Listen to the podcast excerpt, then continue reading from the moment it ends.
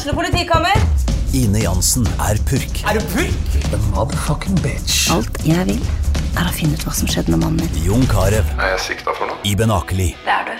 Ole So, Lars Berrum og Big Daddy Karsten. Hvem sin side er du på, egentlig? Anette Hoff, Tone Danielsen, Kommer du fra Afrika? Jørnis Josef, Nesten. Kløfta. Trond Espen Seim, Det er synd å si det, men det var feil mann som døde. Purk. Premiere tirsdag på TV2 Play.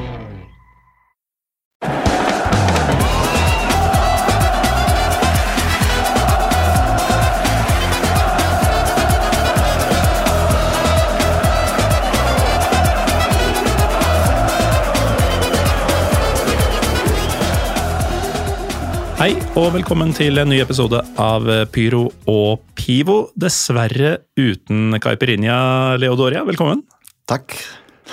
Vi, eh, vi har jo hatt deg med før, men det begynner å bli en stund siden. Og vi måtte faktisk sjekke litt sånn når var sist vi hadde mm, både møttes, men også når du sist var med. Og det har jo gått nesten 150 episoder siden den gang, men du huska at jeg hadde lova caipirinha neste gang? Ja, det, det husket jeg godt, og jeg ser ingen caipirinha her. Nei, dessverre. Jeg, jeg speisa på caipirinhaen. Men uh, vi, uh, vi skal prøve å lage podkast likevel. Det var veldig bra sist, da, selv uten caipirinha. Ja. Så jeg tror vi klarer det. Da var det jo riktignok god hjelp i en uh, veldig entusiastisk André André Østgaard. Mm. André Norvega. Uh, han er ikke her i dag, det er bare deg og meg. Mm. Men uh, vi har Intimt uh, podkast. Ja, det er, uh, det er hyggeligst å være to. Og vi har lukka to dører inn til studio, så ingen kan høre oss. Det var uh, som faen her da. og det skal bli mer. Um, du var med sist, var det i episode 119 vi fant ut, Ja. eh, om ja, Brasil, eh, som også er dagens tema. Det er jo på høy tid å snakke om, eh, om landet igjen, da. Men eh, som en liten opp, eh, oppfriskning for eh, eventuelt nye lyttere, og også de som var med den gang. Hvem er du? Hvem er jeg? Det er det spørsmålet vi stiller oss uh, nesten hver dag, da. Nei, men Det er ikke uh, noe lissepasning. Nei, jeg er da, eller jeg har da gjennom mange år jobbet med å kanskje promotere både Brasil og forholdet mellom Brasil og Norge, og har ja, gjort det veldig mye gjennom, eh, gjennom fotball. Og så har jeg et prosjekt som heter Heia Brasil, som begynte da som eh, en fest for brasilianere og nordmenn som skulle oppleve hvordan det var da å se på en eh, fotballkamp med brasilianere, men så ble det til mye mer. så så ja, mye i media om eh, alt mulig om eh, Brasil. Både om eh, voldtektsbølger og økonomikrise i Brasil og politikk og valg og i det hele tatt. Og her er jeg med deg. Ja, blitt uh, medienes go to-guy om egentlig alt brasiliansk. Det blir litt sånn, ja. Og så er du Pyro Pivos uh, brasiliansk fotballfyr. Yes. Um, men dette, du sa at du har drevet med promotering av Ja. Brasil, eller båndet mellom Norge og Ja. Brasil. og da, da passer jo prosjektet Altså navnet på prosjektet, Heia Brasil, Ja. det er jo um, Det oppsummerer egentlig hva du driver med, ganske godt. Ja, det, det gjør det. I hvert fall noe av det. Ja, det gjør det, men øh, og, og det var det også, ikke minst å prøve å vise da, det positive, for jeg opplevde at det var veldig negativ uh, fokus i media uh, når det gjaldt øh, Brasil, bortsett fra karneval og samba og fotball. Ja. Så jeg prøvde å bruke fotball for å løfte andre temaer også, men uh, jeg ser at media fortsetter å misbruke meg, og de henter meg hovedsakelig for å snakke om kriser og, og vold og, og, ja, og problemer i Brasil. Så det er veldig hyggelig å være her og kunne snakke om noe annet enn politikk. Ja, Ja, vi, vi får se. vi får se. Det er jo ikke um, Det blir jo først og fremst um, hyggelig, vil jeg tro, men det, det er vel ikke mulig å snakke om eh, brasiliansk fotball uten å komme innom en og annen litt sånn eh, shady eier eller eh, hendelser som, som man kanskje skulle vært foruten. Men vi kan jo kanskje starte med uh, det, er- det er jo de som hevder at det var et verdensmesterskap uh, ganske nylig. Brasil var vel en av favorittene, som de alltid er. mm. men eh, som de har slitt med i eh, to tiår nå. Innfridde ikke helt mm. hvordan, eh, hvordan er situasjonen for brasiliansk fotball generelt nå? Eh, generelt, det, det er et stort spørsmål, fordi det er mange utviklinger i, i Brasil. Akkurat nå, når det gjelder det landslaget, hvis vi skal snakke om uh, fotball-VM jeg, jeg, så på et fotball-VM, så jeg, jeg, mener det var et fotball-VM for noen måneder siden nå. Uh, da er det sånn at uh, landslagstreneren Chichi han er ikke der lenger. Så mm. nå er vi ute og, og, og, prøve å finne en ny trener. Og Det er en interessant debatt som foregår i Brasil nå. i Brasiliansk fotball, Om det er kanskje på tide at vi skal hente litt inspirasjon fra uh, utenfor mm. Brasil. Mm. Uh, og da skulle Ja, og, og, sånn som brasiliansk fotball har utviklet seg i alle de årene, så, så er det noe ganske uh, ganske drastisk å tenke deg på å hente en som eh, kanskje ikke har jobbet i Brasil, og som kanskje ikke hadde den brasilianske uh, aura rundt seg. Mm. Uh, og det er interessant å høre på de, de, uh, de navnene som blir nevnt i media. media brasiliansk medie påstår at CBF, som er det brasilianske fotballforbundet, har allerede vært i kontakt med José Mourinho. Oi som takket nei til det. Det er lite brasiliansk. Altså, for det første er han ikke brasilianer, mm. um, men også måten å tenke fotball på. Ja, og, det, og, der, og der kommer den debatten. ikke sant? Hva er det mm. vi er ute etter? Uh, ønsker vi da å få en trener som skal ta oss med til, til toppen igjen? og ikke bare til, til favorittstempelet som i 20 år nå ikke er blitt noe av? Eller skal vi prøve å, å tatt tilbake uh, Brasil dit vi, vi, vi, uh, vi, liker å se Brasil. Da. Mm. Uh, men i hvert fall topptrenere, det er det man er ute etter i utgangspunktet. Så Først så var det Mourinho med den, den, fotballstilen som man kanskje ikke knytter først og fremst til Brasil, men også Ancelotti. Uh, som sa, i hvert fall det svaret som media, brasiliansk medie uh, offentliggjorde da, eller påsto at kom fra Ancelotti, det var det at uh, han kunne godt tenke seg å gjøre det, men ikke før 2024, etter mm. at kontrakten hans med Real Madrid er ferdig. Og det er helt uaktuelt uh, å, å, vente sånn. Ja, for Brasil skal jo ha, har et prosjekt som starter nå? Ja, det har startet allerede dagen etter vi ble slått ut mm. av, av fotball-VM i Qatar. Uh, og så, fordi, fordi det, det, er litt interessant også å, å tenke på ok, eh, det er ikke bare bare å trene Brasil. ikke sant? Eh, både på klubbnivå på landslagsnivå så er det mye man skal tåle som mm. trener der. Og i hvilken grad disse store, suksessrike eh, trenere, eh, europeiske trenere, da, eh, er eh, interessert i å gå gjennom en sånn prosess. og hvordan skal man egentlig gjøre det? Skal, er det sånn at vedkommende skal bo i Europa og å, passe på brasiliansk fotballandslag. Så det, så det, er en del, en del uh, rare ting som man diskuterer. Men det rareste, mm. syns jeg, det er at det virker som om det hotteste navnet nå, det er da Luis Enrique fra Spania. Ja. Det kan jeg ikke skjønne at man kan uh, tenke på det, men det virker som om det står der mellom Luis Enrique øh, og Zidane, faktisk. Men med en gang det, det ble nevnt da Zidane, så, ja, så finnes det plenty av kamper som vi kan se hvor eh, Zidane bare knuse Brasil. Mm. Så dette hadde jeg ikke likt å se uh, av ulike årsaker. Og Luis Henrique, da, fordi jeg har ikke noe tro på at Luis Henrique kan være da en som kan uh, jeg mener da at brasiliansk, brasiliansk, fotball må tilbake til det som gjorde Brasil som uh, unik. ikke sant? Mm. Og det er derfor de som så. Noe av det som vi viste da på den kampen eh, mot Sør-Korea, det var jo ja, Sør-Korea, men vi spilte rask, eh, dynamisk og, og offensiv eh, fotball med mye brasiliansk eh, kunst, sånn som vi kjenner.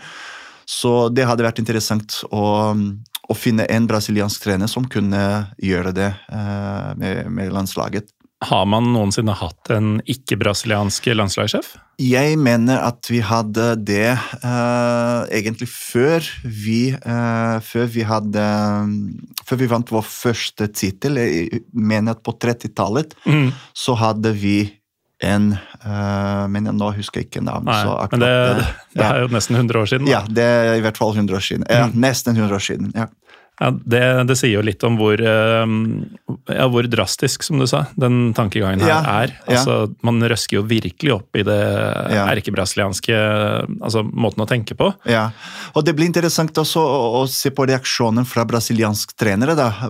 Både store og ikke så kjente brasilianske trenere som eh, tar den debatten veldig personlig og, og mener at nei, men hallo, vi har jo våre trenere her, hvorfor må vi hente noen fra utlandet?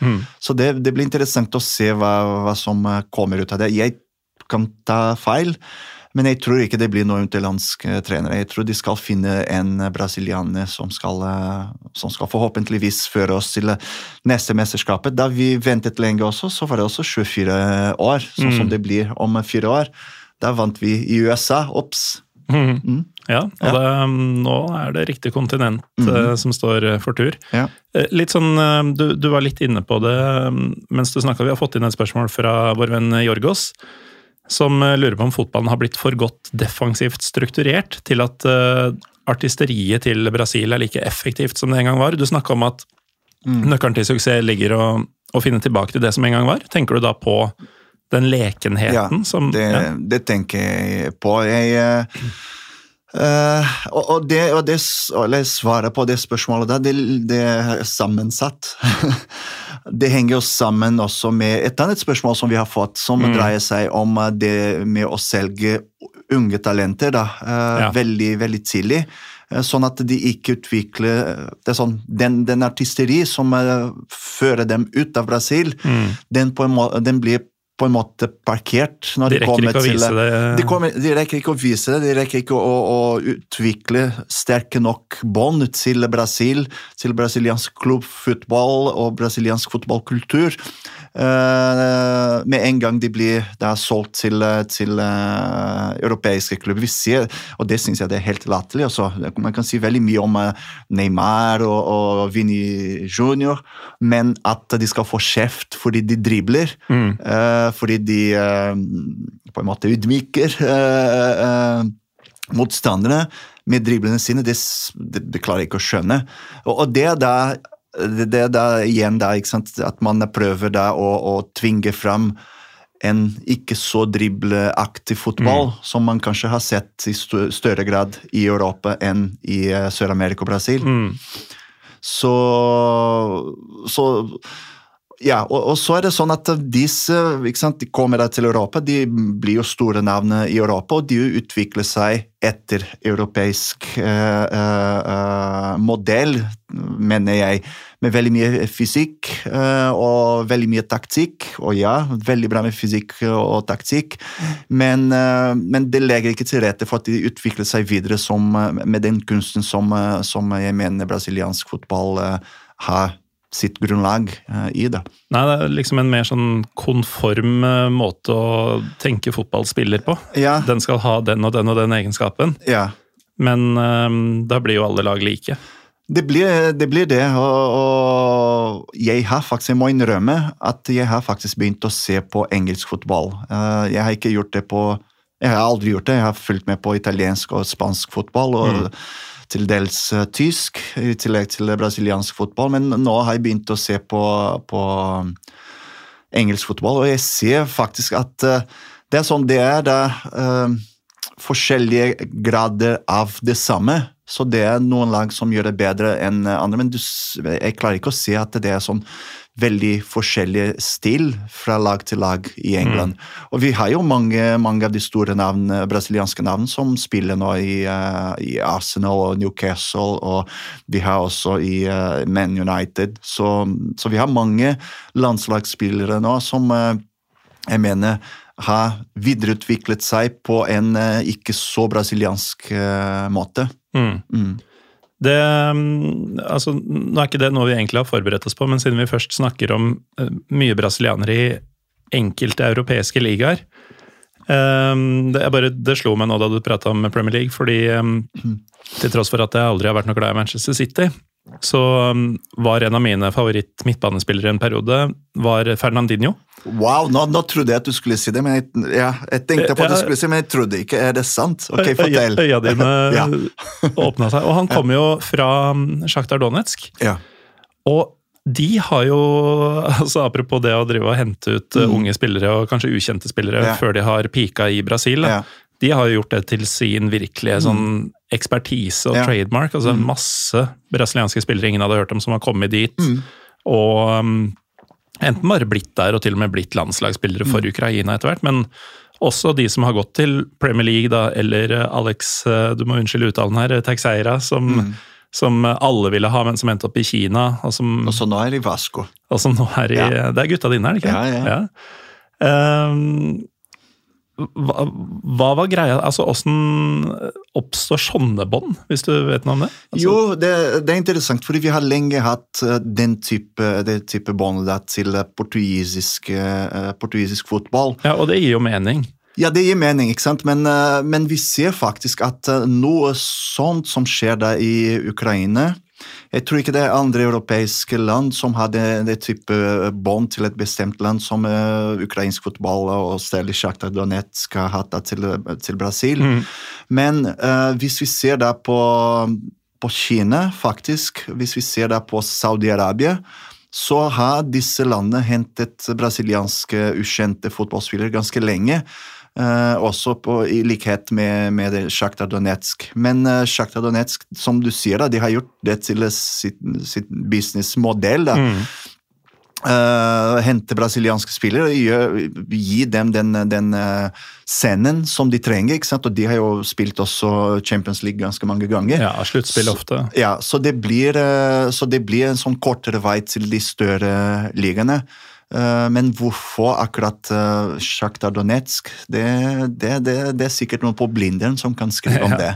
Ja, Det må vi, må vi oppfordre mm, noen studenter, mm. eller helst kanskje professorer, til, mm. å, til å, gjøre. Men uh, vi sklir jo litt sånn ja, Apropos uh, hvorfor Fernandinho ja, ja, ja. hadde så høy stjerne uh, Nei, altså det er bare noe med den derre Jeg liker den derre midtbanespillertypen som er sånn klegg, som mm. bare er overalt, utømmelig for energi. Ikke spesielt stor fysisk, men Skjønner. bare i stand til å plage dritten ut av alle. Ja. Og i tillegg da til at den har et driv med ballen og en mm. skuddfot og en del sånn litt mer sexy kvaliteter. da. Vi skal komme tilbake til Fernandinho, som har kommet tilbake til Brasil. Men jeg tenker på at det er interessant også det med uh, brasilianske fotballspillere som uh, kommer til Europa, etablere sterkere bånd til Europa. Eh, komme uh, senere til, til, landslag. Og Fernandinho er faktisk, selv om han hadde en uh, kortere karriere i Brasil før han kom tilbake nå, men han kom da til, til Eller det, det, bildet som mange i Brasil har av Fernandinho, det er da det bildet fra City og fra landslaget. Mm. Uh, og på landslaget så har det gått uh, egentlig feil vei for, for Fernandinho. Da. Så det var kanskje mest det som jeg, jeg reagerte på. at ok, mm. Fernandinho, Vi har jo mistet i hvert fall to, uh, to Eller blitt slått ut i to, to sluttspill på VM pga. Fernandinho. Ja. ja. Men det var bare det. ja, jeg likte Ramires også. Jeg likte Ramires også. Han ja. hadde faktisk et, en sånn veldig kort uh, landslagskarriere. Jeg likte han. Jeg, likte, jeg, liker faktisk sånne spillere også. Det er sånne som ikke er så veldig teknisk, men som gjør et så stort og viktig uh, arbeid for, for laget. Det er en sånn Dunge-aktig. Ja. Også. Ramires må være kanskje den mest box to box mm. uh, av alle box to box midtbanespillere, i hvert fall i den æraen. Mm. Det var, altså Den motoren der var helt vanvittig. Så dro han til Kina etterpå, var det ikke det? Jo, Kine, det gjorde han. Så nå er han i Brasil, men jeg lurer på om han er lagt opp også. Det er veldig mange som har dratt til Brasil. Eh, vi kan jo kanskje, Skal vi ta det med ja, en gang, eller vil du spare det litt? Kan vi gjøre. Finne nok en måte å, å snu dette her på, akkurat, til akkurat det jeg ville snakke om. det. Men jo, om Brasil og, og ja, det har vært nå eh, ikke sant? Det, det er disse to, uh, to sporene. ikke sant? Det, det ene sporet det er det brasilianske unge spillere mm. som drar til Europa uh, veldig tidlig, og som ikke klarer å etablere Eh, etablere noe sterke bånd til brasiliansk klubbfotball. Og da heller ikke et brasiliansk publikum? Nei, ja, ikke sant. Og det er det, ja, når jeg mener om klubbfotball, det er akkurat uh, det forholdet der mellom uh, lag og supporterne. Mm. Så, man kan si at eh, sant, denne spilleren har vi sett, denne har vært en av oss. fordi det har også vært en, en greie der med brasilianske fotballspillere. Det er det at uh, supporterne liker når de forstår spillerne som en Ja. av oss, som en, en supporter også. Vi har samme historie. Vi har samme historie. Og det er blitt mindre og mindre av, uh, særlig når det gjelder da, uh, spillere som ender opp en vakker dag da på landslaget. Der er det spillere som vi ikke har sett har operert uh, det, det, det båndet. Men det, det er det ene sporet. Unge brasilianske spillere som går da til uh, Europa, uh, hovedsakelig Shakhtar Donetsk også, ikke minst. Men eh, de større klubbene i de større ligaene har også blitt mye rammere på å hente eh, selvfølgelig de virkelig store talentene, som Sånn som jeg gjerne ikke har hørt om før det plutselig står at nå vil Manchester United kjøpe han for Ja. 40 millioner euro. Sånn, ok, hvem er dette? Ja. Sånn, hva har han gjort? Ja, ja, nei, men det, det hva har han gjort? Det vi kan også se der med, med disse unge spillere fortsatt, det er da at mange av de blir da, sant, solgt for utrolig mye penger. Og så sliter de litt med å komme ordentlig i gang i disse lagene. Noen ganger så blir de lånt bort til eh, noen mindre lag, sånn at de bruker litt mer tid på å utvikle seg. Men det, det viser også at fortsatt så har brasiliansk eh, fotball mye å, å, å by på i, mm. i fotballverdenen. da. Uh, vi har Endrik som kom da til, til uh, Real Madrid, og så er det flere og flere. Vi har en eh, spiller fra Vasco da Gama som vi rakk ikke Vasco har nettopp gått opp da, tilbake til, eh, til, første, eller til toppdivisjonen, da, til eliteserien i Brasil. Uh, en spiller uh, som jeg burde kunne navnet hans, men som er blitt kjøpt av eh, Chelsea. Han, de spiller nå nettopp eh, under 20 U20 søramerikansk mesterskap, og han er en fantastisk midtbane, forsvar. eh, ja, sentral midtbane. Eh, dere kommer til å, til å se Jeg skal finne Jeg skal google, det er juks, men jeg skal google snart og finne ut navnet hans.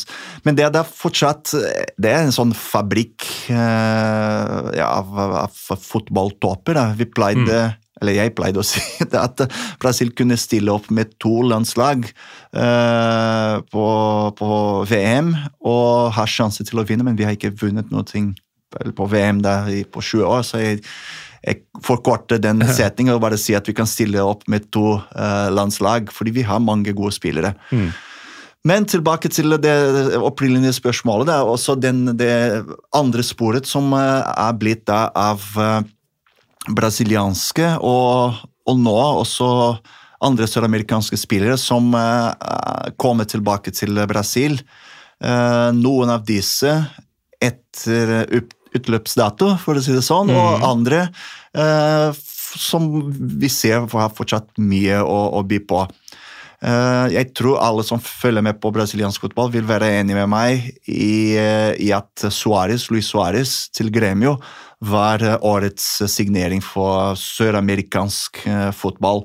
Det eh, Han kunne jo ha spilt på mange, fortsatt på mange lag i toppdivisjonen i, eh, i Europa. Og hadde helt sikkert tilbud. Ja, han hadde sikkert det. Men så kom han da til eh, Gremio, som, eh, som er da eh, et lag i, i Sør-Brasil, veldig nær Uruguay også, og, og som har en sånn veldig eh, liknende kultur med, med Uruguay. Så, så det var nok en av de tingene da som, som fristet uh, Luis Suárez, som gjør det veldig bra eh, nå i Gremio. Eh, nå er det også snakk om at kanskje Papu Gomes kan være på vei til eh, et annet brasiliansk lag, som jeg er veldig glad i.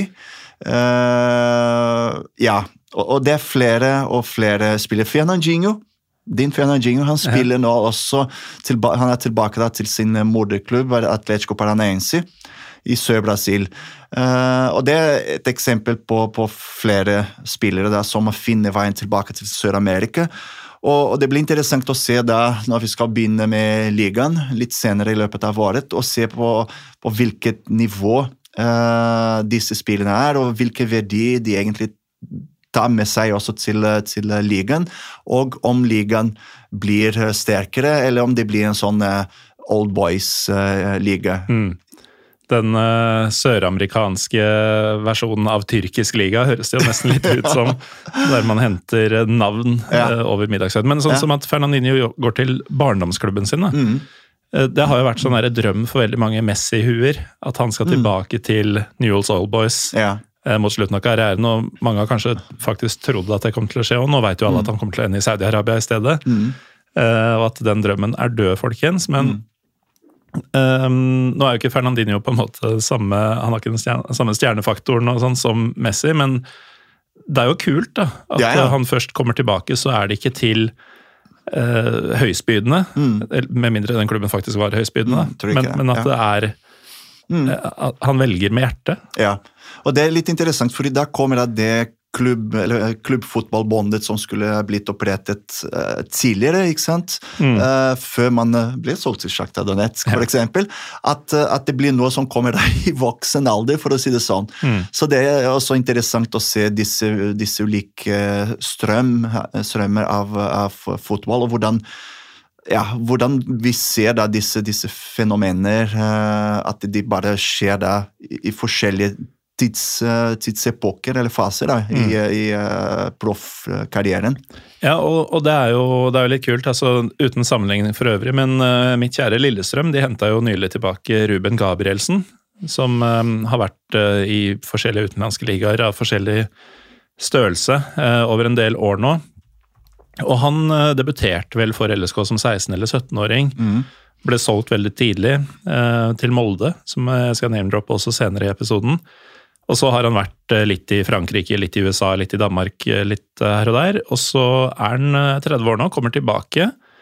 Så er det flere grunner til det, men noe av det han har følt på da, gjennom hele karrieren, er at han skulle vært mer her. Yeah. Altså, han fikk ikke mm, fullført holdt på å si, båndbygginga, yeah. Som, som du snakker yeah. om, da han var i Lillestrøm som ung. Og har hatt det litt i bakhuet gjennom alle disse årene utenlands, at jeg skal tilbake dit og gjøre meg ferdig med det jeg begynte på. Og det, det er litt interessant også, jeg vet ikke hvor, uh, hvor tydelig han har uttrykket det, men det er også noe med å kanskje på en måte forberede grunnen, og samtidig eh, opprette en sånn avstandsforhold da, til, eh, til supporterne sine. ikke sant? At uh, Vi vet at han kommer tilbake til oss senere. Og det er også det som du nevnte, Alex Teixeira. Alex Teixeira Teixeira. som har vært der i Sjaktar Donetsk og har vært i Kina etterpå. Og han har over lang tid sagt at han skulle komme tilbake til sin uh, barndomsklubb, som var Vasco da Gama. Han gjorde det. Men uh, vi supportere vi, hadde, vi ventet på han i mange år, da, og det var en sånn Ok, nå kommer han, nå kommer han. Og så kom han, og det ble en stor fest. Eh, og, og det er flere. Nå ser vi at eh, både, uh, både Coutinho, også som kommer fra Vasco da Gama, og flere spillere som driver og, og, i sosiale medier og så sender en hilsen til Vasco-supportere. Vi kommer tilbake en dag. Det, det er sånn som vi liker. Ja. Er tilbake til den en av oss. ikke sant? Ja. Supportere og, og spillere. Men eh, du nevnte, siden du, vi sa i en bisetning at du er veldig glad i Vasco, Ja.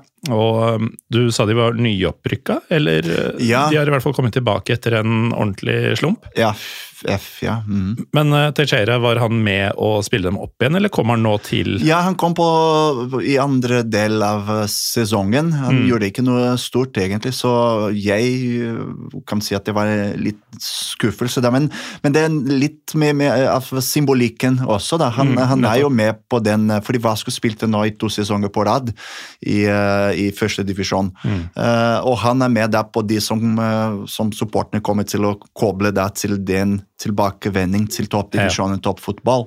Så stjernen hans er fortsatt ganske høy uh, blant Vasco-supportere. Men vi kan jo snakke litt om Vasco, fordi vi har vært innom dem i tidligere episoder. Altså, jeg kan jo nevne sist vi snakka om Brasil. Sammen med André, episode 119. Der er det litt mer sånn generell gjennomgang av hvem de forskjellige klubbene er og sånn. Så vi skal ikke ta for mye om det, men eh, Vasco eh, hva, hva er det som gjør dem spesielle for deg? Uh, hva som gjør det spesielt Vasco har da en utrolig stor betydning i, eh, i, i samfunnet i, i Brasil. Eh, Vasco var det første, første lag som sto for eh, både arbeidernes eh, rettigheter og, og mangfold i, i, fotball. Fotball i Brasil begynte som en sånn elitesport. Vasco åpnet dørene der for, svarte for arbeiderklassen, og, og har ja, stått i bresjen for veldig mange På, på samme måte som Corinthians også, som man snakker veldig mye om eh, den demokratiske prosessen da, eh, eh, etter dikta, eller på tampen av diktaturen, da, som man kobler også Sokratis, eh, fotballspilleren, da. Til det så, så har også Vasco hatt eh, en, eh, en rolle. Uh, arbeids, uh, arbeidsmiljøloven, den første arbeidsmiljøloven i, Brasil, i brasiliansk historie, det ble presentert på Vascos uh, fotballbane, San Januario, som er fortsatt en av disse gamle, sjarmerende Uh, fotballstadionet Anbefaler alle som kommer til Rio å prøve å komme seg på en tur til San Januario. Ja, og det vil du ha med deg en uh, stadig tilbakevendende gjest, uh, Lars uh, Skau, Ja. i akkurat det. Han var jo med sin kjære Bente på en tur i Argentina og Brasil for Ja. noen år tilbake. Og det han har snakka mest om Han var jo både på Jeg lurer på om han var på Super Classico, faktisk. Mm. Husker ikke helt i farta, men han var på en del svære kamper i de landa. Det han snakker mest om, er nettopp da han var på Vasco. Ja. Og det stadionet du klarer å uttale, som ikke Ja. er og, det, og det er også noe med det at selv nå i det siste, hvor vi har slitt med, med, med å komme oss tilbake til toppen, så, så har da supportene eh, vært med og båret eh, laget tilbake. Vi, vi hadde ikke noe bra lag nå, ikke noen gode spillere. Eh, Nené, jeg vet ikke om det er noen av dere som hører på som husker Nené som har spilt for eh, PSG? Paris, ja, for Paris Saint-Germain. Før uh, araberne så var det han som gjaldt. Ja, så, så han har vært den største stjerne, og han er nå 41 eller 42 år gammel. Så han har fått da nå forlenget kontrakten sin seks måneder. men Han det er ikke- spiller fortsatt? Han spiller fortsatt, så- men det er ikke sikkert at han vil være med på det laget som skal spille uh, i toppdivisjonen. Ja, så, så det, er det, det, er, eh, det er den samfunnsbetydning som Vasco har hatt gjennom eh, historien. Eh, ja, har åpnet mange dører og har stått eh, mot eh, etablissement også. Eh, dette er sånne ting som uh, Vasco-supportere får rett inn i blodet. Da. Mm. da, når man er barn. Eh, så, så det er veldig spesielt da, å, å følge med. Og jeg savner fy faen, jeg savner å være med på en Vasco-kamp på San Januario. Selv om den stadion den er gammel, men den er også veldig sjarmerende. Ja, det er det inntrykket jeg fikk fra Ja. Lars også. Ja. At uh, det tar noe helt spesielt. kom jeg da på, eller kom jeg googlet her da, Andrej Santos heter den uh, defensiv midtbane Ja. eh, som spiller nå for U20, og som Chelsea-supportere, dere som hører på som heier på Chelsea, hvis det, det, det er ikke mange supportere eh, Chelsea har i det. Jeg, jeg tror overlappen mellom de som er norske Chelsea-supportere og de som hører på Pyro og er er ganske liten. Men det fins helt sikkert noen gærninger. Men uansett, dere kan eh, glede dere til, eh, til eh, Andrej Santos, eh, som eh, Chelsea har kjøpt, og som er ganske ung, i hvert fall under 20, men han er 19 år gammel. Ja, Så det er med andre ord ingen grunn til å bekymre seg for at dette er André Santos, som tidligere spilte for Arsenal Arsenal og, og nei, nei, nei. Og som eh, det ble noen store oppslag om i tyrkiske medier da han Mm. hadde hatt en ganske drøy fest med lettkledde damer på hotellrommet og sånn. Jeg vet ikke om du har lest om uh, Har du det? Så vidt, men vi kan jo godt ta, Ja, det- ta litt om det. Ja, det er triste saker også med han fyren der, som, eh, som har vunnet alt mulig, bortsett fra, fra, fra VM. da. Men han har vunnet gud vet hvor mange Champions League og alt med Barcelona og med Juventus og PSG, og, uh, som var på en måte gjemt nå uh, i Mexico, frem til Chichi for en eller annen merkelig grunn tok han med tilbake til, eh, til uh, landslaget. Men nå er han blitt da eh, eh, Nå glemte jeg ordet. Eh, Han har i praksis blitt sparka fra klubben. Eh, Fra Pumas, er det vel? Etter at det har vært eh, mistanke om at han eh, har drevet med noen ulovlig voldtekt, rett og slett, Rett og slett. I, eh, i, Barcelona, i Barcelona, i Spania, i Barcelona, på en fest. Og nå uh, er det etterforskning rundt han. Han sitter faktisk, faktisk fengslet i Barcelona as we speak. Mm. uh, og det ser ikke bra ut. Det er både uh, den damen som gjelder, og så nå er det flere vitner også som kan beskrive ganske godt en del grove forhold som, eh, som eh, Daniel Alves har vært involvert i på en nattklubb i, i Barcelona. Herregud, hva som, det er så mye rart som kan skje på nattklubber i Barcelona! Ja, det, jeg var jo i Barcelona på nyttårsaften. Det var det. Men det, det, det, Men det var ikke deg jeg, er ikke, jeg er ikke noe klubbingmenneske, Nei, ok. så, så jeg har ikke de drøyeste historiene, men jeg kan se for meg at eh, Ja. det, det foregår ting der. Ja. Eh, men altså, det er så rart. Du har alt, og så Ja, jeg vet ikke hva jeg skal si. Jeg har jo tidligere også fått lignende spørsmål om, eh, om eh, Ronaldinho. ikke sant? Hvorfor han eh, Mm. plutselig skulle bare finne på alt mulig rart som han har funnet på. Etter at du har vunnet alt, og har alt, og så plutselig så havner man i en eller det, det er nok ikke plutselig, da, men at man havner i en sånn situasjon. Jeg vet ikke, eh, Du nevnte da Tyrkia, men det var også med en, eh, med en eh, brasiliansk spiller. Men jeg vet ikke om det er andre land som har sånne fotballspillere som vinner alt, og så plutselig så slår de på en eller annen knapp og bare gir F til alt mulig og finner på mye rart. Ja, for hvem som helst kan jo sikkert ha en sånn bryter, men det virker å være mm, mye vanligere blant brasilianere enn blant andre. Brasiliansk fotballspillere. Ja, takk. Det, ja. ja, nei, det er sant. Adriano eh, også. Herregud, vi ser bilder av Adriano på det, det virker som han hadde det bra, da. Eh, men eh, han var jo uh, keiseren i, eh, i eh, Italia, og imperador. Eh, så kom han tilbake til Brasil, og det var, det var sånn det klikket bare for han etter at han mistet faren sin. Men uh, nå bruker han eh, pengene sine på gullskjeder og våpen, og, og, og sitter på en favela i Rio de Janeiro og ha det livet som han uh, syns er greit nok for han. Ja. Mm. Siden vi var inne på um, anklagene mot uh, Dani Alves, Ja. så har vi fått et spørsmål fra Jørgen Holk om hva som er Brasils svar på Molde fotball.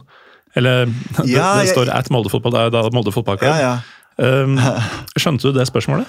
Skal, Eh, jeg, kan, jeg kan i hvert fall si det, fordi han eh, spurte oss om eh, Babacar Sarr eh, spilte i, Han er i samme- i, i, i samme. Brasil. Og det kan jeg Med mindre han har byttet navn, så kan jeg garantere at han ikke spiller i Brasil. Nei. Men akkurat det med Molde, da ble jeg veldig nysgjerrig på hva er det du forstår når, av fotball når du hører på Molde. Så Ja, bare hjelp meg, så skal jeg prøve å svare Nei, på altså, det. Siden han sier Brasils svar på Molde fotball og drar inn Babakar Sar, så har jo Babakar Sar vært um, sikta for um, lignende type anklager Ja. som, som det Daniel Alves eh, blei.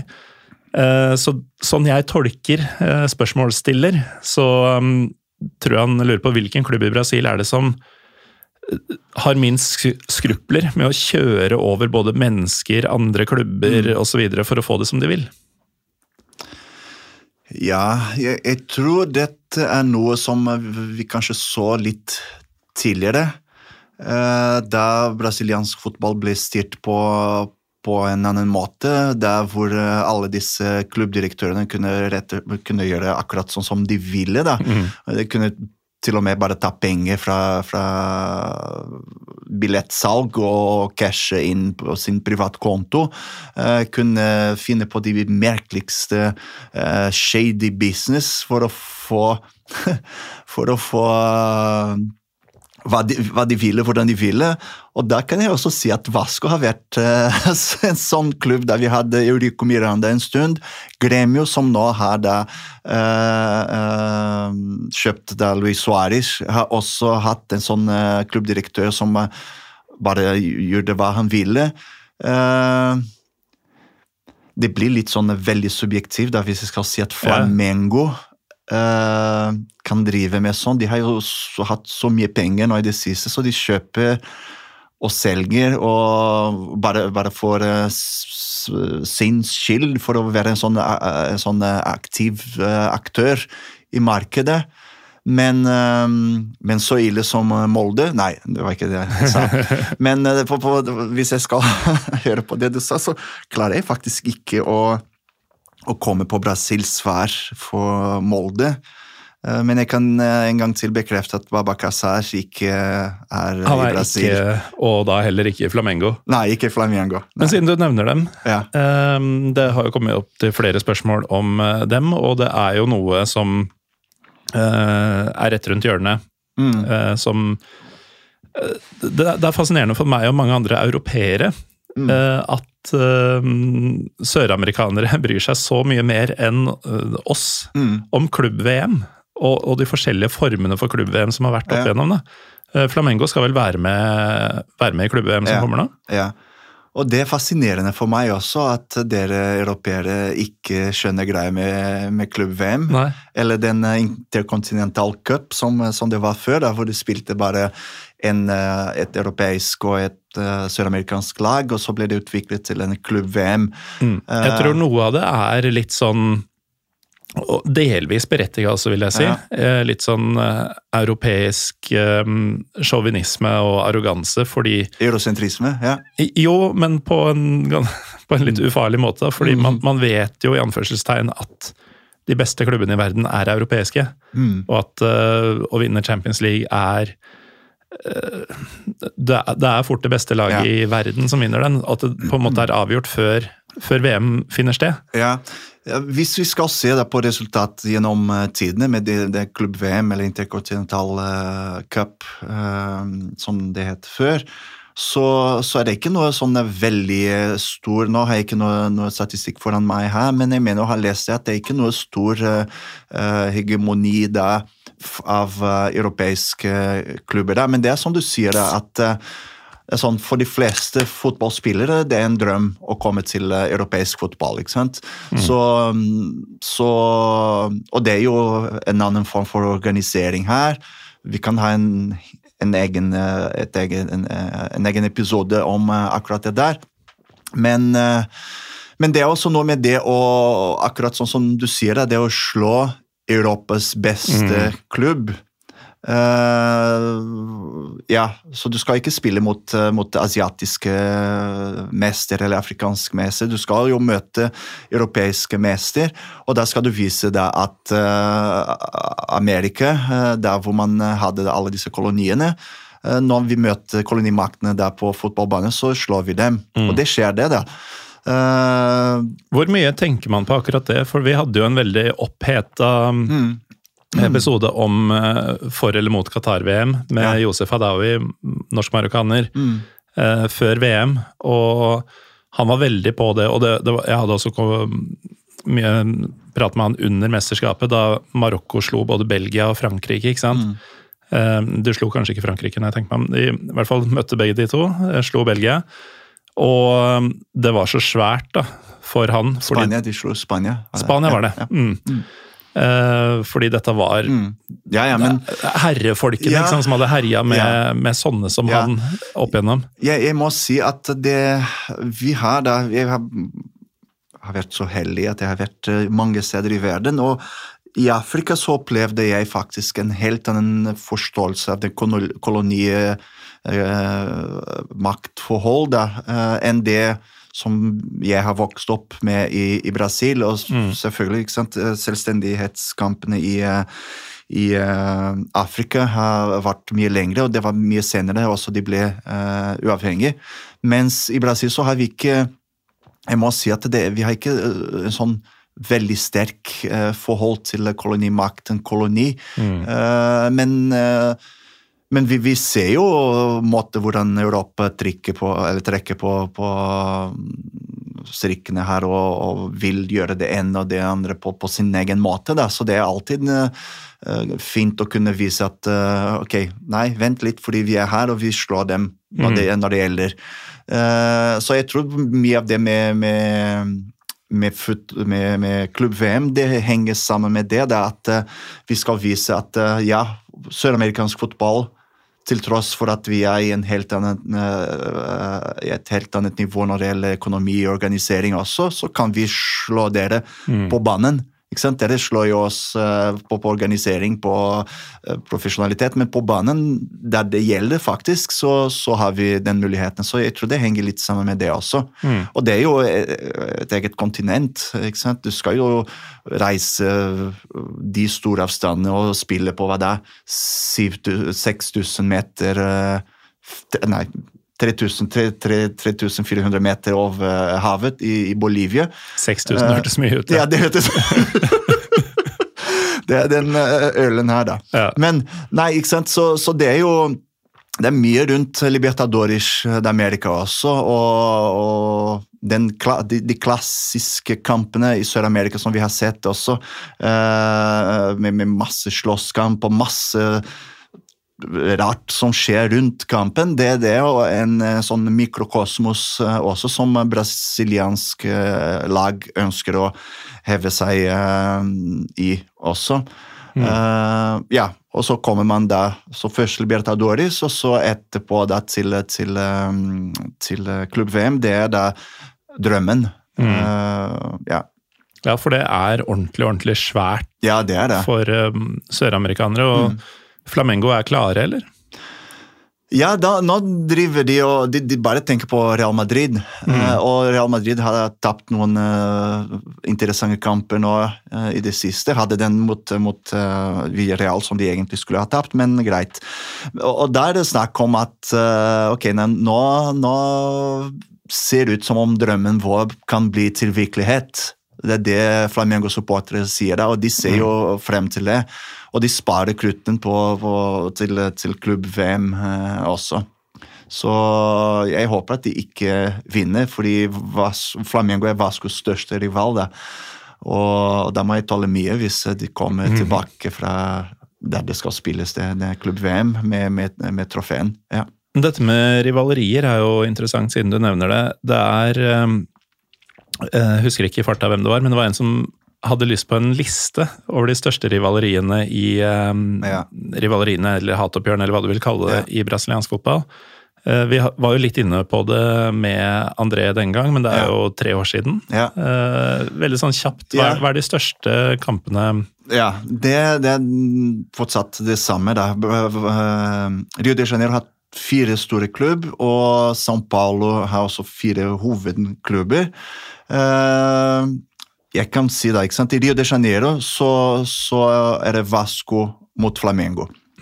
Eh, São Paulo så er det nok Corinthians mot Palmeiras. Hvilke som er viktigste, da, om det er Corinthians og São Paulo, eller Corinthians og Palmeiras, eller Palmeiras og São Paulo, det henger sammen med hvordan lagene har det i den, i den sesongen eller i den perioden. da. Ja. Men det er da de hovedene. Og så har man i sør, for jeg mener også det var et spørsmål eh, om eh, hva skal man se på hvis man reiser til Sør-Brasil. ja. I Rio Grande do Sul så kan man eh, se der på Gremio mot Inter. Gremio Grêmio der hvor Luis, Luis Suárez spiller, og Inter som har hatt veldig mange gode sesonger i det siste. I Paraná så har man Atletico Atlético Paranaense, som er der, der hvor Fernandinho spiller, mot Coritiba. Som er da også et, et, Alex de Sosa. ja, ikke sant? Uh, som nå er da Coritiba spiller da i første divisjonen fortsatt. Uh, men uh, det er en fantastisk opplevelse også å se på Atletico Paranense mot uh, Coritiba. Hvis man går da til eh, nordøst, så kan man ha Bahia mot Vitoria i delstaten Bahia og byen Salvador. Man kan ha også uh, sport uh, mot uh, Nautico i Recife i delstaten Pernambuco. Man kan ha, hvis man drar til Amazonas eh, Der det eller- et VM-stadion. ja, ikke sant? Det er VM-stadion som forfaller der, og de har masse gjeld. Men Amazonas-regionen, og så har du delstaten Pará. Da har du Paysandu mot, mot Remo. Eh, delstaten Pará det er egentlig den inngangen da til Amazonas-regnskogen. Mm.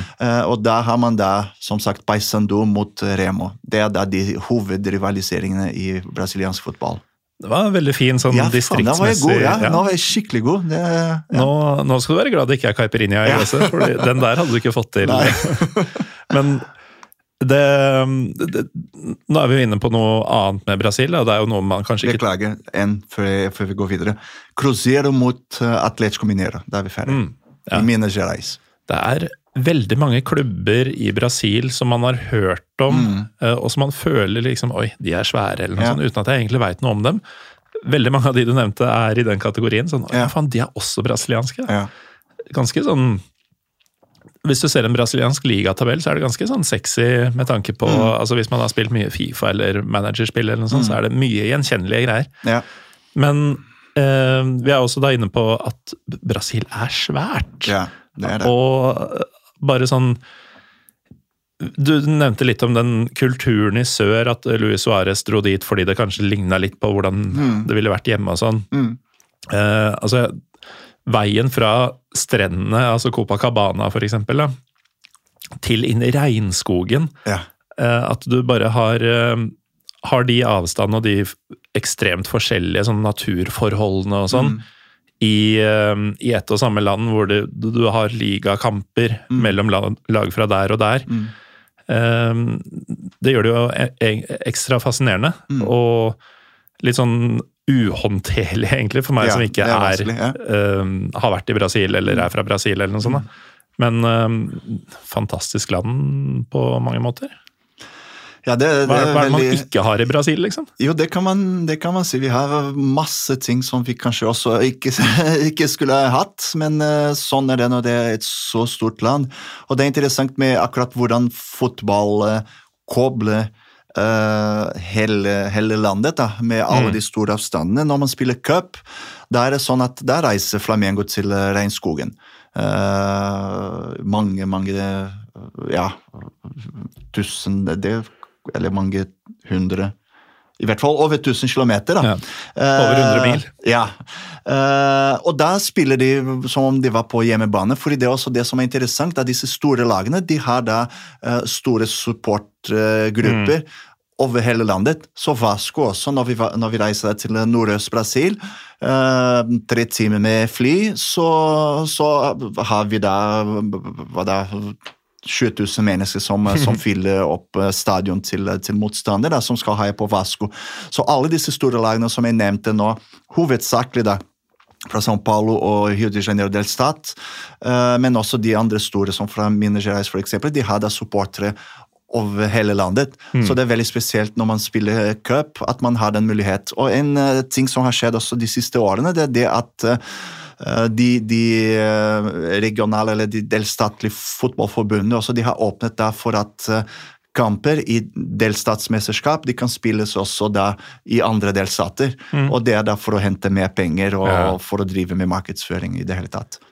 Men altså kulturkrasjet fra altså Hvis Flamengo, som du nevner, drar til regnskogen, Ja, eh, selv om de har fans der Ja. det, Jeg vil jo tro at en Flamengo-fan inni eh, håper å si en landsby i regnskogen Det er kanskje en landsby i Brasil, er jo fort en millionby Mm. Ja, andre steder, men må være en ganske Flamengo-supporteren fra regnskogen må være en ganske forskjellig person fra Flamengo-supporteren fra Rio. Ja, det, det vil jeg tro. Og det er en mektig opplevelse. Både å se på Flamengo, må jeg si, men også å oppleve storby i Brasil og regnskog og alt mulig som, vi har, eh, som vi har der. Men det er jo igjen sant, hvordan fotballen klarer å, å, å koble alt dette sammen. ikke sant? Man finner jo det som er felles gjennom fotball. Sånn at de, de, eh, de, de tingene som er forskjellige, de blir mer sånn i bakgrunnen. Mm. Og tre timer med fly innenlands. Ja, ja. Altså, du dekker hele altså, Det er Oslo Ja. Nesten Oslo-Istanbul. Ja, jeg kan si også at eh, når det gjelder geografi, det liker jeg veldig godt. eh, Selv om jeg tar feil på høydemeter og sånn. Men hvis man da tar da Brasils nordligste eh, punkt eh, til den sørligste punkt, så er det nærmere å komme seg til Canada enn å komme seg til, til Sør-Brasil. sant? Nordligste punkt i Brasil, da er det kortere vei til det den nærmeste punktet i Canada enn til den sørligste punktet i Brasil. Så det er et svært land. Ja, det sier en del. For Ja. da skal du gjennom hele USA og vel så det. Og, Og- og folk veit hvor svært USA er. ja. Mm, Så um, det er spesielt. det er eh, gigantiske greier. Eh, Siden vi først var inne på Brasils eh, svar på Molde, så kunne vi ta Brasils svar på et annet europeisk lag i blått Ja. og hvitt, eh, nemlig Schalke. Ja. Fordi eh, Remi André Øyvåg han lurer på hvilken klubb er Brasil sitt svar på Schalke, og det sier han i affekt, fordi Den eh, tweeten er skrevet kanskje en time etter at han var og så Schalke tape 1-6 på hjemmebane. Ja. Eh, og han brukte hele kvelden på å være forferda på direktemeldinger på hvor ræva Schalke er. Så hva er den mest sånn Det er jo en men- men men gigantisk klubb. eh, kjempestor, fantastiske fans, Mm. men får ikke til noe som helst. Ja, og da, da må jeg si dessverre Vasco da Gama de siste uh, 20 årene. Uh, fantastisk fans. Alle, alle sier det, altså, virkelig. Men uh, det, bare, det har bare vært så trist å se på Vasco. Men nå, ikke sant, nå kommer vi tilbake til uh, toppdivisjonen. Og, og det er en sånn interessant utvikling også i brasiliansk fotball. hvordan eh, de profesjonaliserer seg, fordi mye av grunnen til at Vasco har vært så revet, det var pga. Uh, dårlig, dårlig forvaltning, dårlig administrasjon, dårlig uh, amatøreierskap. Uh, og den, uh, det ser vi også nå at det er flere og flere klubber da, som velger å gå en vei som europeisk fotball har vært i ganske lenge, da, med å ha disse aksjeselskaper og mer profesjonell administrasjon. Uh, Vasco har nå nettopp blitt uh, kjøpt uh, av 777-gruppe. Og de eier mange fotballklubber. Det de gjør de. de eier, det er sånn alle går til helvete, ser jeg nå. Det er både Genoa, som spiller i Serie B i Italia, og Sevilla, som gjør en utrolig dårlig Det var bedre før. Det var bedre før, for å si det sånn. Uh, ja, så Men i det hele tatt, da. Det, det nå, nå, har det vært, nå virker det som om det har vært uh, som billigsalg på brasiliansk uh, klubbfotball. Det er mange store klubber som kommer nå nettopp tilbake til toppdivisjonen, som blir da kjøpt av disse store, store selskapene. City Group uh, har kjøpt Bahia, som, er, som, har vært brasiliansk mester, og som har nettopp kommet også opp tilbake til Eliteserien. Var Bebeto der? Bebeto spilte for Vittorie. Uh, yeah.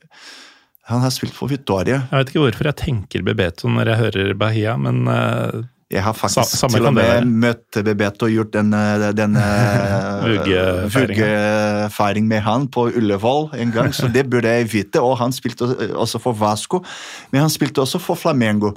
Mm. Jeg tror kanskje han spilte for både Victoria og Bahia. Jeg håper ikke det er noen Bahia eller Victoria-supportere som hører på oss nå. Det er nesten mer sannsynlig enn at det er Chelsea-supportere, faktisk. Nei, men igjen Tilbake til, tilbake til det, det, det, med eierskap, ikke sant, som fordi disse, det, det, er store klubber som har det enormt potensial, mm. eh, økonomisk potensial, som har vært underutnyttet i, i, av brasilianske eh, administrasjon. Da. Men hvorfor det? Har det vært noe lovverk rundt det, eller har man bare ikke skjønt at det er penger å tjene i fotballen? Uh, ja, det er et godt spørsmål. Det, det, det, det regelverket knyttet til eierskap, det, er noe nytt. Men likevel så, så, har det vært tilrettelagt for mer profesjonell mm. administrasjon også. Men det har vært disse, disse mektige, ekle uh, personligheter som har stått bak en del klubber, da, mm. som har bremset det. Men nå, ikke sant, Ronaldo-fenomenet ordentlig Ronaldo, da. Han uh, kjøpte, kjøpte Cruzeiro fotballklubb eh, også, og, som har også igjen kommet tilbake til elite, eliteserien i, i Brasil. og som er en av de største klubbene i Brasil. Så de, de, det er noen personer, noen, noen han, Hva heter han? Textor, som, John Textor, som eier Crystal Palace mm. og Lyon. Han har også kjøpt nå 70% av Botafogo, som er da også en stor klubb i Brasil, som Gahinche uh, spilte for. Den fjerde store der. Ja. Så, så, det er mange da som ser potensial. Og som sagt, hvis du Det er også sikkert noen, noen rike lyttere her. Sikkert flere milliardærer enn Chelsea-supportere som hører på oss nå. Godt mulig. Så det er tilbud på brasiliansk fotballklubber nå. Det det er utrolig stort kundemasse som bare venter på å bli fòret av mm. ekle effekter og i det hele tatt. Ja. Så det er mye penger å tjene på i brasiliansk fotball. Ja, for nå er slusene virkelig åpna. Så du nevnte denne 777 eh, Group, eh, City Group, Mm. Red Bull Red der, Bull ja. skulle jeg til å si. Ja. De er jo ikke sånn kjempepopulære i Europa. Eh, Hvordan er de blitt tatt imot i Brasil? Eh, først og fremst de, så blir de tatt imot som noen eh, De som skal redde disse fotball, fotballklubber. Da. Fordi mange av disse, de aller fleste av disse som blir kjøpt opp nå, de sitter med kolossal eh, gjeld som skal betjenes, og som de ikke har noe modell, ikke har noe, noe, noe økonomiske muskler for å, for å betjene disse, disse gjeld. Og så kommer da utenlandske investorer, uh, investorer som kan redde. Så de, de blir sett da på som noe veldig positivt. Jeg, ja, jeg kan ikke så veldig mye om, eh, om eh, Eller ja, har fulgt med litt på det med Red Bull osv.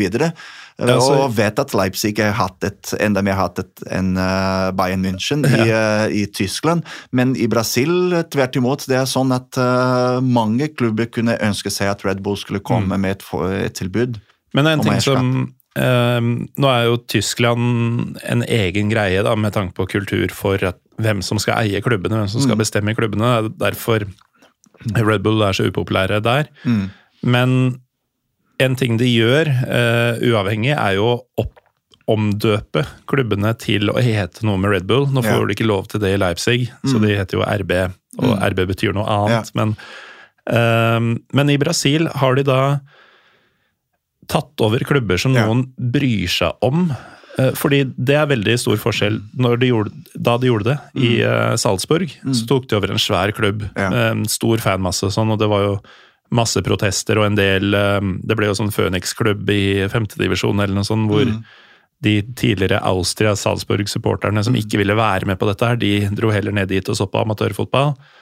Mens det som skjedde i Leipzig, var jo at de tok over en klubb som var en amatørklubb på femte nivå, eller noe sånt, som ikke hadde noe særlig fans, eh, og bare skapte en klubb. De Ja. tok mest egentlig over plassen og lisensen, Ja. eh, og så utraderte egentlig bare den gamle klubben og skapte en ny. Mm. Men i Brasil, hvordan har det fungert der? Har de tatt over tradisjonsrike klubber? eh, Nei, de har, de har ikke det. det. Man kan jo godt si at Bragantino Red Bull har litt tradisjon. De har vært uh, São Paulo-mester. Og egentlig overrasket de ganske mange, fordi de gikk veldig eh, rett opp da, veldig, på veldig kort eh, periode. Og da havnet de faktisk på søramerikanske mesterskaper også. Uh, men uh, men, det er ikke, men, men Bragantino er likevel ikke noe, noe klubb med sånne stor tradisjon. Det er så mange fotballklubber i Brasil som har lange tradisjoner også. Jeg vil ikke si at, uh, at Bragantino, til tross for deres uh, klubbhistorie, at de, har, de er på samme nivå som andre store klubber. Da. Så igjen, det er det med å, å å, å, å kjøpe en struktur og forbedre en struktur og komme med en sånn profesjonell struktur som har vist seg å være veldig bra for, for Bragantino. Eh, så de kommer til å spille igjen nå Uh, uh, top, i toppdivisjonen. De gikk da faktisk videre på, på um, til søramerikanske mesterskap. Det er i første sesongen de hadde kommet opp på, på toppdivisjonen. Så, så, det- og det er det supporterne vil. Da. De vil at eh, klubb, klubben sin skal gjøre det bra. Ja. Og det, det som er, er jo at de anerkjenner dette fortsatt som sin klubb, selv om de Ja. har blitt rebranded og, og sånn. Ja, jeg, jeg vet også at det er mange av disse klubbene de er jo også strenge på en del ting. ikke sant? Du skal ikke få lov til å, til å endre på fargene på klubben, og ikke logoen, og ikke navn, og du skal bare få så så mye prosent av stadion, og i det hele tatt, ikke sant? Så det er også måter å, å gjøre det på her også. Og avhengig av hvor stor klubben er egentlig, jo mer forhandlingsmakt eh, har disse, disse klubbene der for å bevare deres eh, tradisjon. Ja.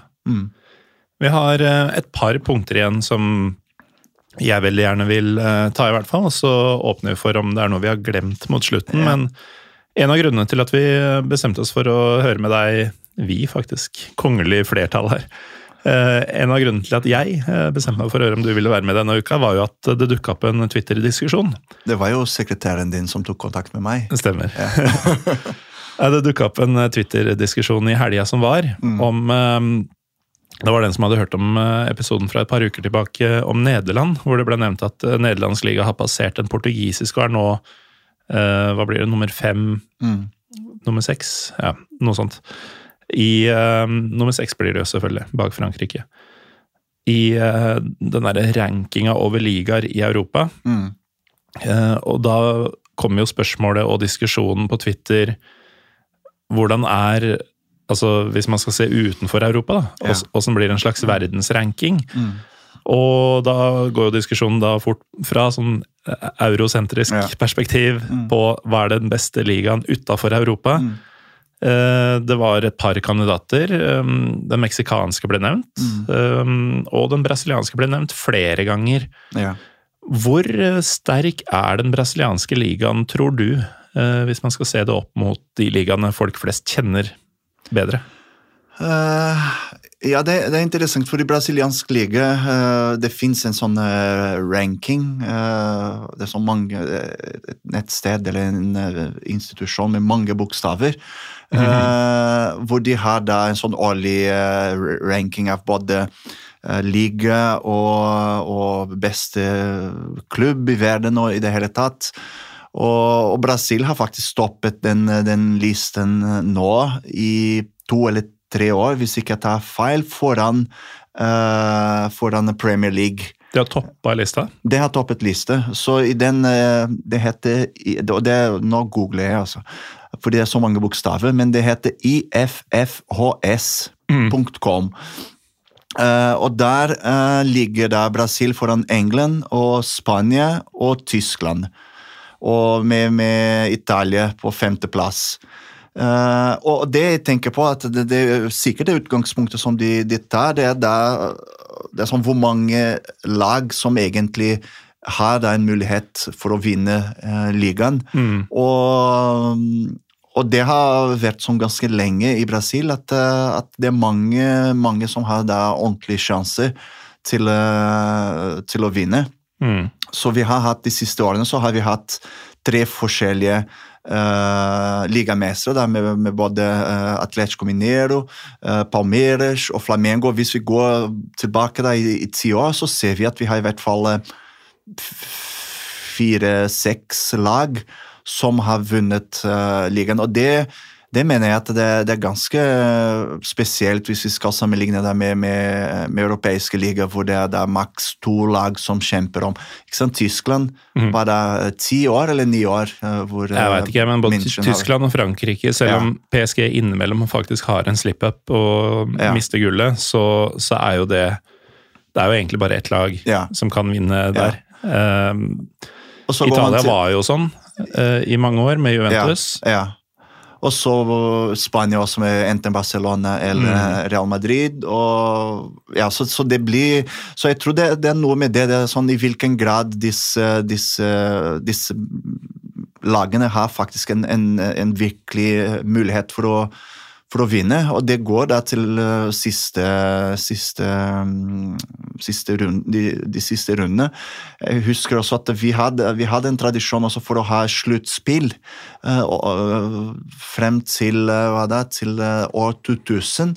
Så hadde man da en sånn slags cup, eh, eller VM som mesterskap, eh, eh, sluttspill, hvor da man tok da de åtte de, de topp åtte lagene, og så skulle de møte hverandre Mm.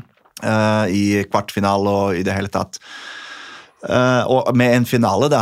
Og det var noe som eh, vi ser da at det er mange, mange supportere fra tid til annen så dukker det opp en sånn bevegelse som ønsker at vi skal komme tilbake til det, og skal Ja gå videre fra, fra, fra ligasystem. Eh, Amerikansk modell, ja, noe sånn. Ja, noe sånn. Uh, hvor, uh, hvor vi, fordi da, da blir det sånn ekstra tydelig også hvor jevn disse lagene kan være. Sant? At plutselig så møter du du har toppet til Vasco tapte en, et mesterskap uh, i en, sånn, uh, i en sånn sesong også, hvor vi ledet hele sesongen. Og så tapper vi i en kvartfinale eller semifinale for nummer seks. Ja. Men, men jeg husker å være med på disse, disse kampene, hvor, hvor vi møter en utgangspunkt mye svakere lag, som uh, spilte for sitt eget liv der. Mm. Uh, så, jeg, så, jeg, tror det henger sammen med det. og det er uh, og det er interessant hvis vi kobler tilbake til det med klubb-VM. ikke sant? Da skal vi vise igjen at ok, brasiliansk fotball er sterk nok til å møte da, Europas beste, mm. beste lag og, og, og vinne over dem. Ikke sant. Så um, den rankinga er kanskje ikke offisiell, men den indikerer både at det er, altså er en veldig kompetitiv liga, mm. Eh, og så tror jeg også at de tallene er, er basert litt på kontinentalsuksess også. og Brasilianske lag har gjort det veldig bra i både Sudamericana og Libertadores. Libertadores ja. Um, så det, vil du si at det i hvert fall er den beste søramerikanske ligaen ja, nå? Ja da. da. Og, ja. og da er det jo altså jeg, Nå blir jeg kanskje litt sånn navlebeskuende, men jeg vil jo tro ganske enkelt at det beste, eh, altså beste søramerikanske ligaen er bedre enn den beste afrikanske og asiatiske. Uh, også nordafrikanske ja. Nei, nordamerikanske. Ja. Um, og at vi da kan si at brasiliansk liga er den beste i verden utenfor Europa? Det var, det var mange linjer du, du, du, du dro ja, der. Men ja, det, det, det, blir jo synsing når det ikke finnes et ja, offisielt system. Men det, et, det, må finnes et offisielt system også, fordi når man kommer til klubb-VM, klubb mm. så kommer det både europeisk og, og, og søramerikansk lag. De kommer først da i semifinalen. Ja. Så det er en sånn eget klubb-VM for alle disse andre kontinentene, som du mm. sa. Men hvis vi ser da på Uh, det er sånn Strømmen av søramerikanske spillere til Brasil er mye større eh, og sterkere enn eh, fra Brasil til andre søramerikanske og mellomamerikanske land. Det sier jo ganske mye, faktisk. Det, ja, det mener jeg. Mm. Og så særlig nå i det siste også. Disse, disse, det, det, er så utrolig mange både spillere både fra Argentina og fra Uruguay som kommer til, større, til store lag i Brasil enn det var for, for ti år siden. Carlos Tevez uh, slo igjennom ja, i Corinthians. I Corinthians, ja. Mm. Han, han, mener jeg var en sånn type som hadde passet bra, uh, som passet veldig bra med Corinthians, uh, Corinthians uh, ånde, da. På hvilken måte? En sånn Terrier? Ja, en sånn terrier som kjemper, og som, som vil bare vinne alltid og gi alt, gi som mm. alltid siste, siste liten. Gi aldri opp.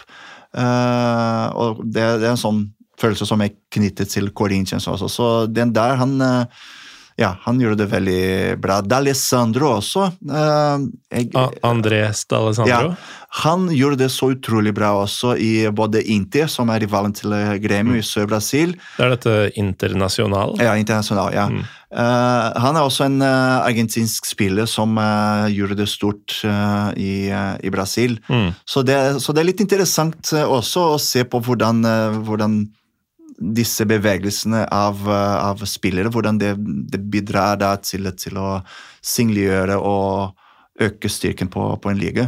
Ja, og nå er jo det en annen generasjon blitt etter hvert. Vi begynner å bli gamle, Leo, mm. men uh, det, man, man, snakker jo mye om rivaleriet mellom Argentina og Brasil. Mm. Og at det er et uh, ja, ikke alltid like vennskapelig forhold. Mm. Og dette er jo to av altså TVS ble jo eh, D'Alessandro ble kanskje aldri helt det man trodde og håpa han skulle bli, men det var jo altså det, det er veldig symbolsk mm. at de to i tidlig i karrieren, eh, når de skulle opp og fram, valgte å prøve lykken i Brasil. Mm. Um, det, det, er ikke alle som Det er ikke alle vennene dem som er ja. med på det laget. Og, det, og det, det, du sier nå, det understreker igjen det det jeg nevnte i stad, med, med, både at sant, argentinske spillere fra Uruguay de kommer til Brasil. Eh, og disse investeringene også, som vi ser da, disse, disse, den nye eierskap, eierskapsform gjør da i brasilianske klubber, det er ved å hente store argentinske og uruguayanske talenter til Brasil. Så, så nå, eh, nå er det i hvert fall to eller tre stykker som har kommet til Vasco. Det blir vel veldig mye Vasco, men det er fordi jeg følger tett med på Vasco. da. Men som eh, man regner med at om noen få år så kommer de videre til Europa. Så det, det blir også en sånn Uh, slags uh, businessmodell også, eh, ikke sant?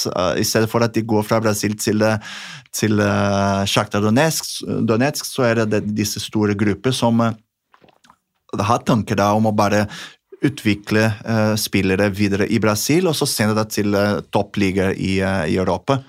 Eh, jeg tror det er det som er en del av businessmodellen som de tenker for, for disse investeringene. Siden du nevner at det blir mye Vasco, så er eh, det siste jeg i hvert fall har på min agenda, det er at det har vært et par tunge dødsfall for brasiliansk brasiliansk fotball i det siste. Det ene veit alle om. Men et som kanskje er litt mindre kjent for folk, det er jo en ordentlig ordentlig legende for nettopp Vasco, Leo. Roberto Dinamici. Uh, Bob Dynamite. Som eh, er da tidenes toppskårer i brasiliansk liga. Uh, og spilte, hvis ikke jeg tar feil, så spilte han eh, to VM, uh, men, men gjorde aldri det stort i, uh, på, på landslaget.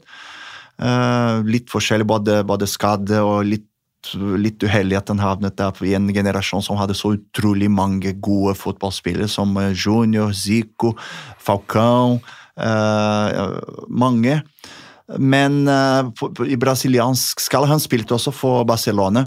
Men i brasiliansk eh, skala så var han absolutt en av de største. Da. Uh, han døde var da en uke etter Pelé. Eh, og vi hadde på samme måte som, som uh, for Pelé, så hadde vi en stor og så åpen uh, like, like vakke, hvor, hvor, hvor han lå der i kisten der, og supporterne kunne komme og besøke han. Det samme eh, det vi gjorde for Pelé, så gjorde Vasco da Gama også for, eh, for uh, Roberto Ginamici. Og der var det mange, uh, mange uh, supportere, både, og det var veldig interessant, både fra Vasco og andre klubber, f.eks. Flamengo også, som er Vascos største rival, som var også der og ga en siste hilsen da til, til Roberto Ginamici, fordi de anerkjente også hans rolle i å, i å gjøre sin, sin, både Vasco, men sine egne klubber også stort i, i brasiliansk ja. målstokk. Så han er, um, du, siden du nevnte Zico og Falcao blant annet, da, han er den eh, generasjonen som kunne hatt noe med dette legendariske 82-laget å gjøre. ja, ja, ja absolutt. Og, og hvis man eh, googler og, og ser på, på, på YouTube hva, hva han har skåret av fantastiske mål, eh, da, da skjønner man fort at det, det, det, ja, det er brasiliansk eh, kunst. Og ja. Så, de, det var, så det var trist. ja. Og de som vil søke opp kreft igjen. Fy faen, hvor mange gode skuespillere vi eh, Gode mennesker Ja. generelt. Ja, ja, ja, ja. Jævla kreft. Ja. Ja. Men for de som vil søke opp eh, disse scoringene, så og kanskje ikke hørte helt hva Ja, du sa, det du da, så skriv, det skrives Roberto Dinamite, Yes. som i Dynamite, bare med i uh, i stedet for y. ja. Eh, og så er det jo Pelé, da. ja, og så er det Pelé. Jeg var på, um, på fotballkamp eh, på dødsdagen hans Ja. um, i Marseille. Marseille mot eh, Toulouse. Og han hadde vel aldri noe med de to klubbene å gjøre. Men eh, det var da opp på storskjermen Mm. Ja. og et minutts stillhet og sånn. Nå er ikke det unikt, da, men, Ja. men det, det er liksom Og man har jo sett Nå er det jo blitt en god del uker, det er blitt en måned vel, Mm. eh, omtrent, siden Pelé gikk bort. Men du ser jo fortsatt sånn som tysk liga starta jo Mm. først sist helg, eh, mange uker etterpå. De skulle også på alle stadioner hedre Pelé. Mm. Han spilte vel aldri der heller. Eh, Men det er noe med at når et så prominent medlem av den såkalte fotballfamilien går Mm. bort, så skal alle Ja. eh, ta et farvel med han, da, selv om Ja. han ikke hadde et ordentlig forhold til han. Pelé, altså nå har det jo blitt eh, Det, det var jo alltid Pelé eller Maradona, hvem var best? Mm. Uh, og så var det litt sånn avhengig av hvor, Hvem den du, ja. hvor kommer den du spør fra. Mm. Men nå har jo Messi og Ronaldo uh, tatt litt over den diskusjonen, Mm. men vi må ikke glemme hva Pelé var. Nei, og, og det er veldig spesielt, det, fordi du sier det at man ikke hadde noe sånn uh, sterk kobling eller forhold til Pelé, men Pelé står jo bak veldig mye av den fotballen, den, den kunsten som mange knytter det til fotballen. Mm. Uh, jeg tvitret også flere ganger om det med Zlatan-finte, Zidane-finte, Cruyff-finte. Alt dette finner videoer av Pelé, mm. som gjorde det mange, mange før. før. Ja. Mm. Og til og med deres eget uh, Erling Haaland har også sagt, har tvitret om det. Det er om at alt dette vi gjør i dag, gjorde Pelé for gud vet hvor mange år siden. Mm. Så så, så, Pelé har vært en veldig fremtredende uh, person både når det gjelder fotball og en symbol for Brasil også. Uh, på godt og vondt så har han representert Brasil i mange, i mange sammenheng. Mm. Uh, men selvfølgelig han, har, ja. han, spilte under tre av de fem verdensmesterskapene dere har vunnet. Ja, ja. Altså det, de, de, fem er spredt over en ganske lang periode. Ja, ja. Han var med på tre av dem. Ja. Men, det, men det, den kunstfotballen som man knytter til Brasil, først og fremst, det, det, må vi bare innrømme at det er takket være alt dette som Pelé uh, gjorde. Og så hadde han selvfølgelig mange fantastiske spillere med seg. Gahinche. Mm. Pelé og Gahinche de tapte aldri en kamp da de spilte sammen. Mm. Uh, det sier jo litt.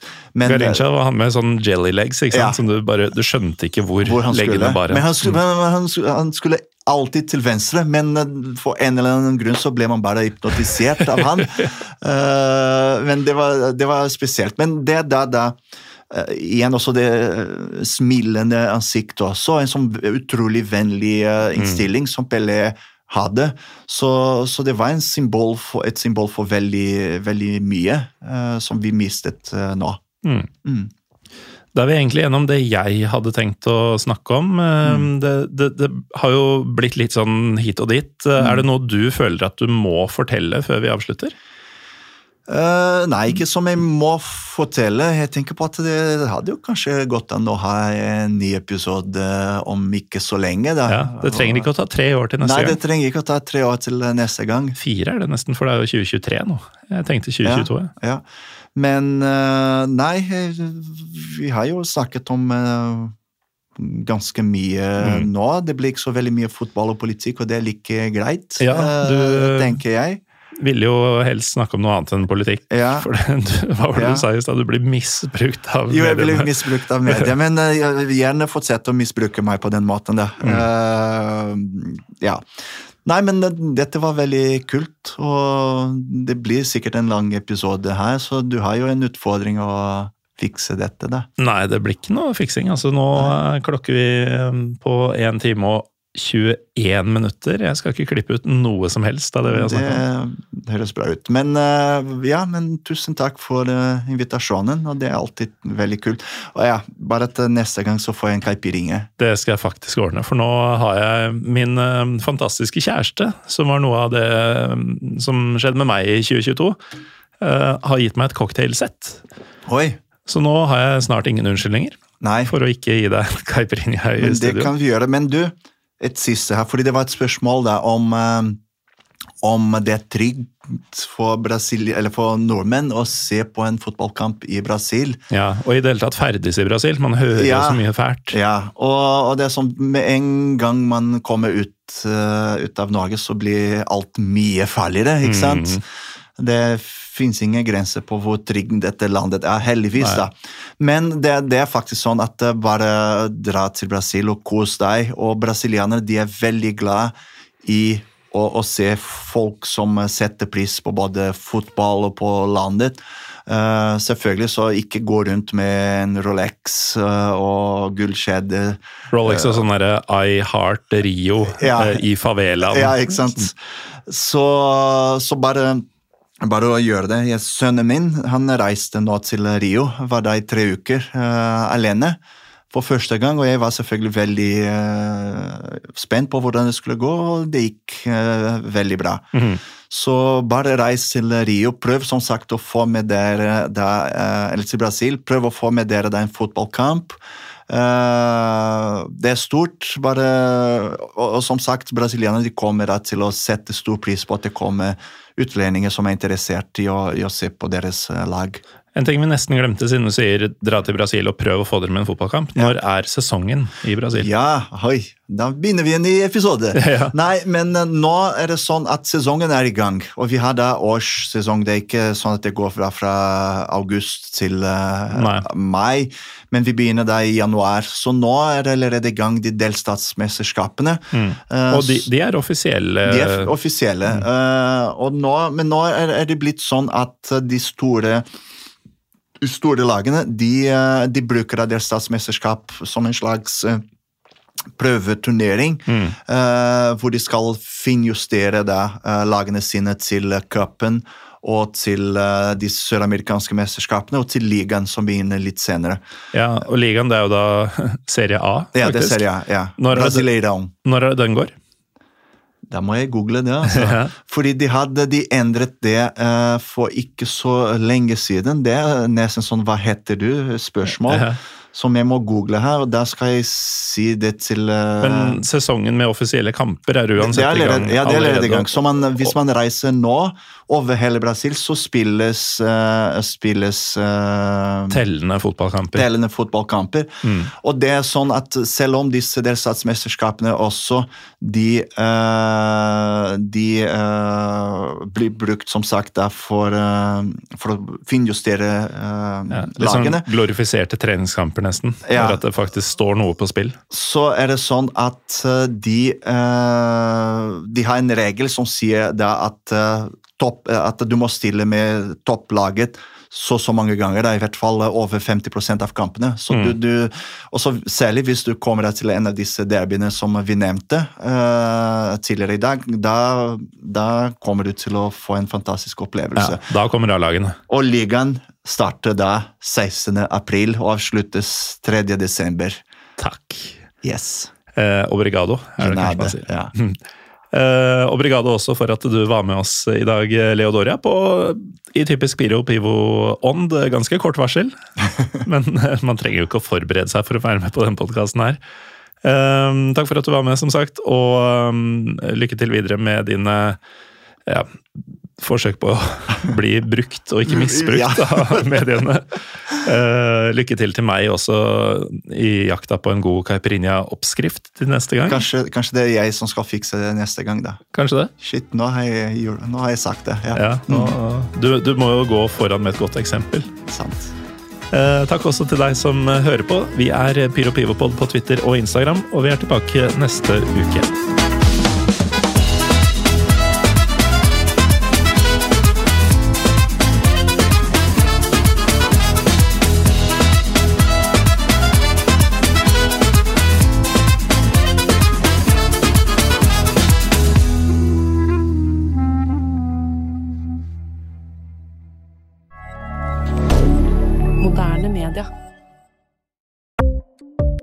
Ukens annonsør er HelloFresh. HelloFresh er verdens ledende matkasseleverandør og kan være redningen i en travel hverdag. Mange av oss har nok vandret i butikken både sultne og uten en plan for middagen, som ender med at vi går for de samme kjedelige rettene gang på gang. Middag burde være dagens høydepunkt. Som HelloFresh kan du nå velge mellom 25 ulike retter hver eneste uke, eller få HelloFresh til å sette sammen menyen for deg. Dette gir deg muligheten til å prøve nye og spennende retter alene eller sammen med familien. Du velger antall porsjoner og får alt levert på døren på et tidspunkt som passer for deg. Oppskriftene er enkle, og maten er lett å lage både for store og for små. Ved å få alt levert hjem får du også mer tid til å dele matgleden med familie og venner. Kanskje det frister med asiatiske tacos eller greskinspirert kylling? Da kan jeg anbefale deg om å gå inn på hellofresh.no. Her kan du bruke koden FOTBALL og få opptil 1779 kroner i rabatt på de første fem matkastene hvis du ikke har prøvd HelloFresh tidligere. Du kan også bruke rabatten hvis du har vært kunde og stoppet abonnementet ditt for tolv måneder siden eller lengre. Gå inn på hellofresh.no og bruk koden FOTBALL. Har du et enkeltpersonforetak eller en liten bedrift? Da er du sikkert lei av å høre meg snakke om hvor enkelt det er med kvitteringer og bilag i fiken, så vi eh, gir oss her, vi. Fordi vi liker enkelt. Fiken superenkelt regnskap.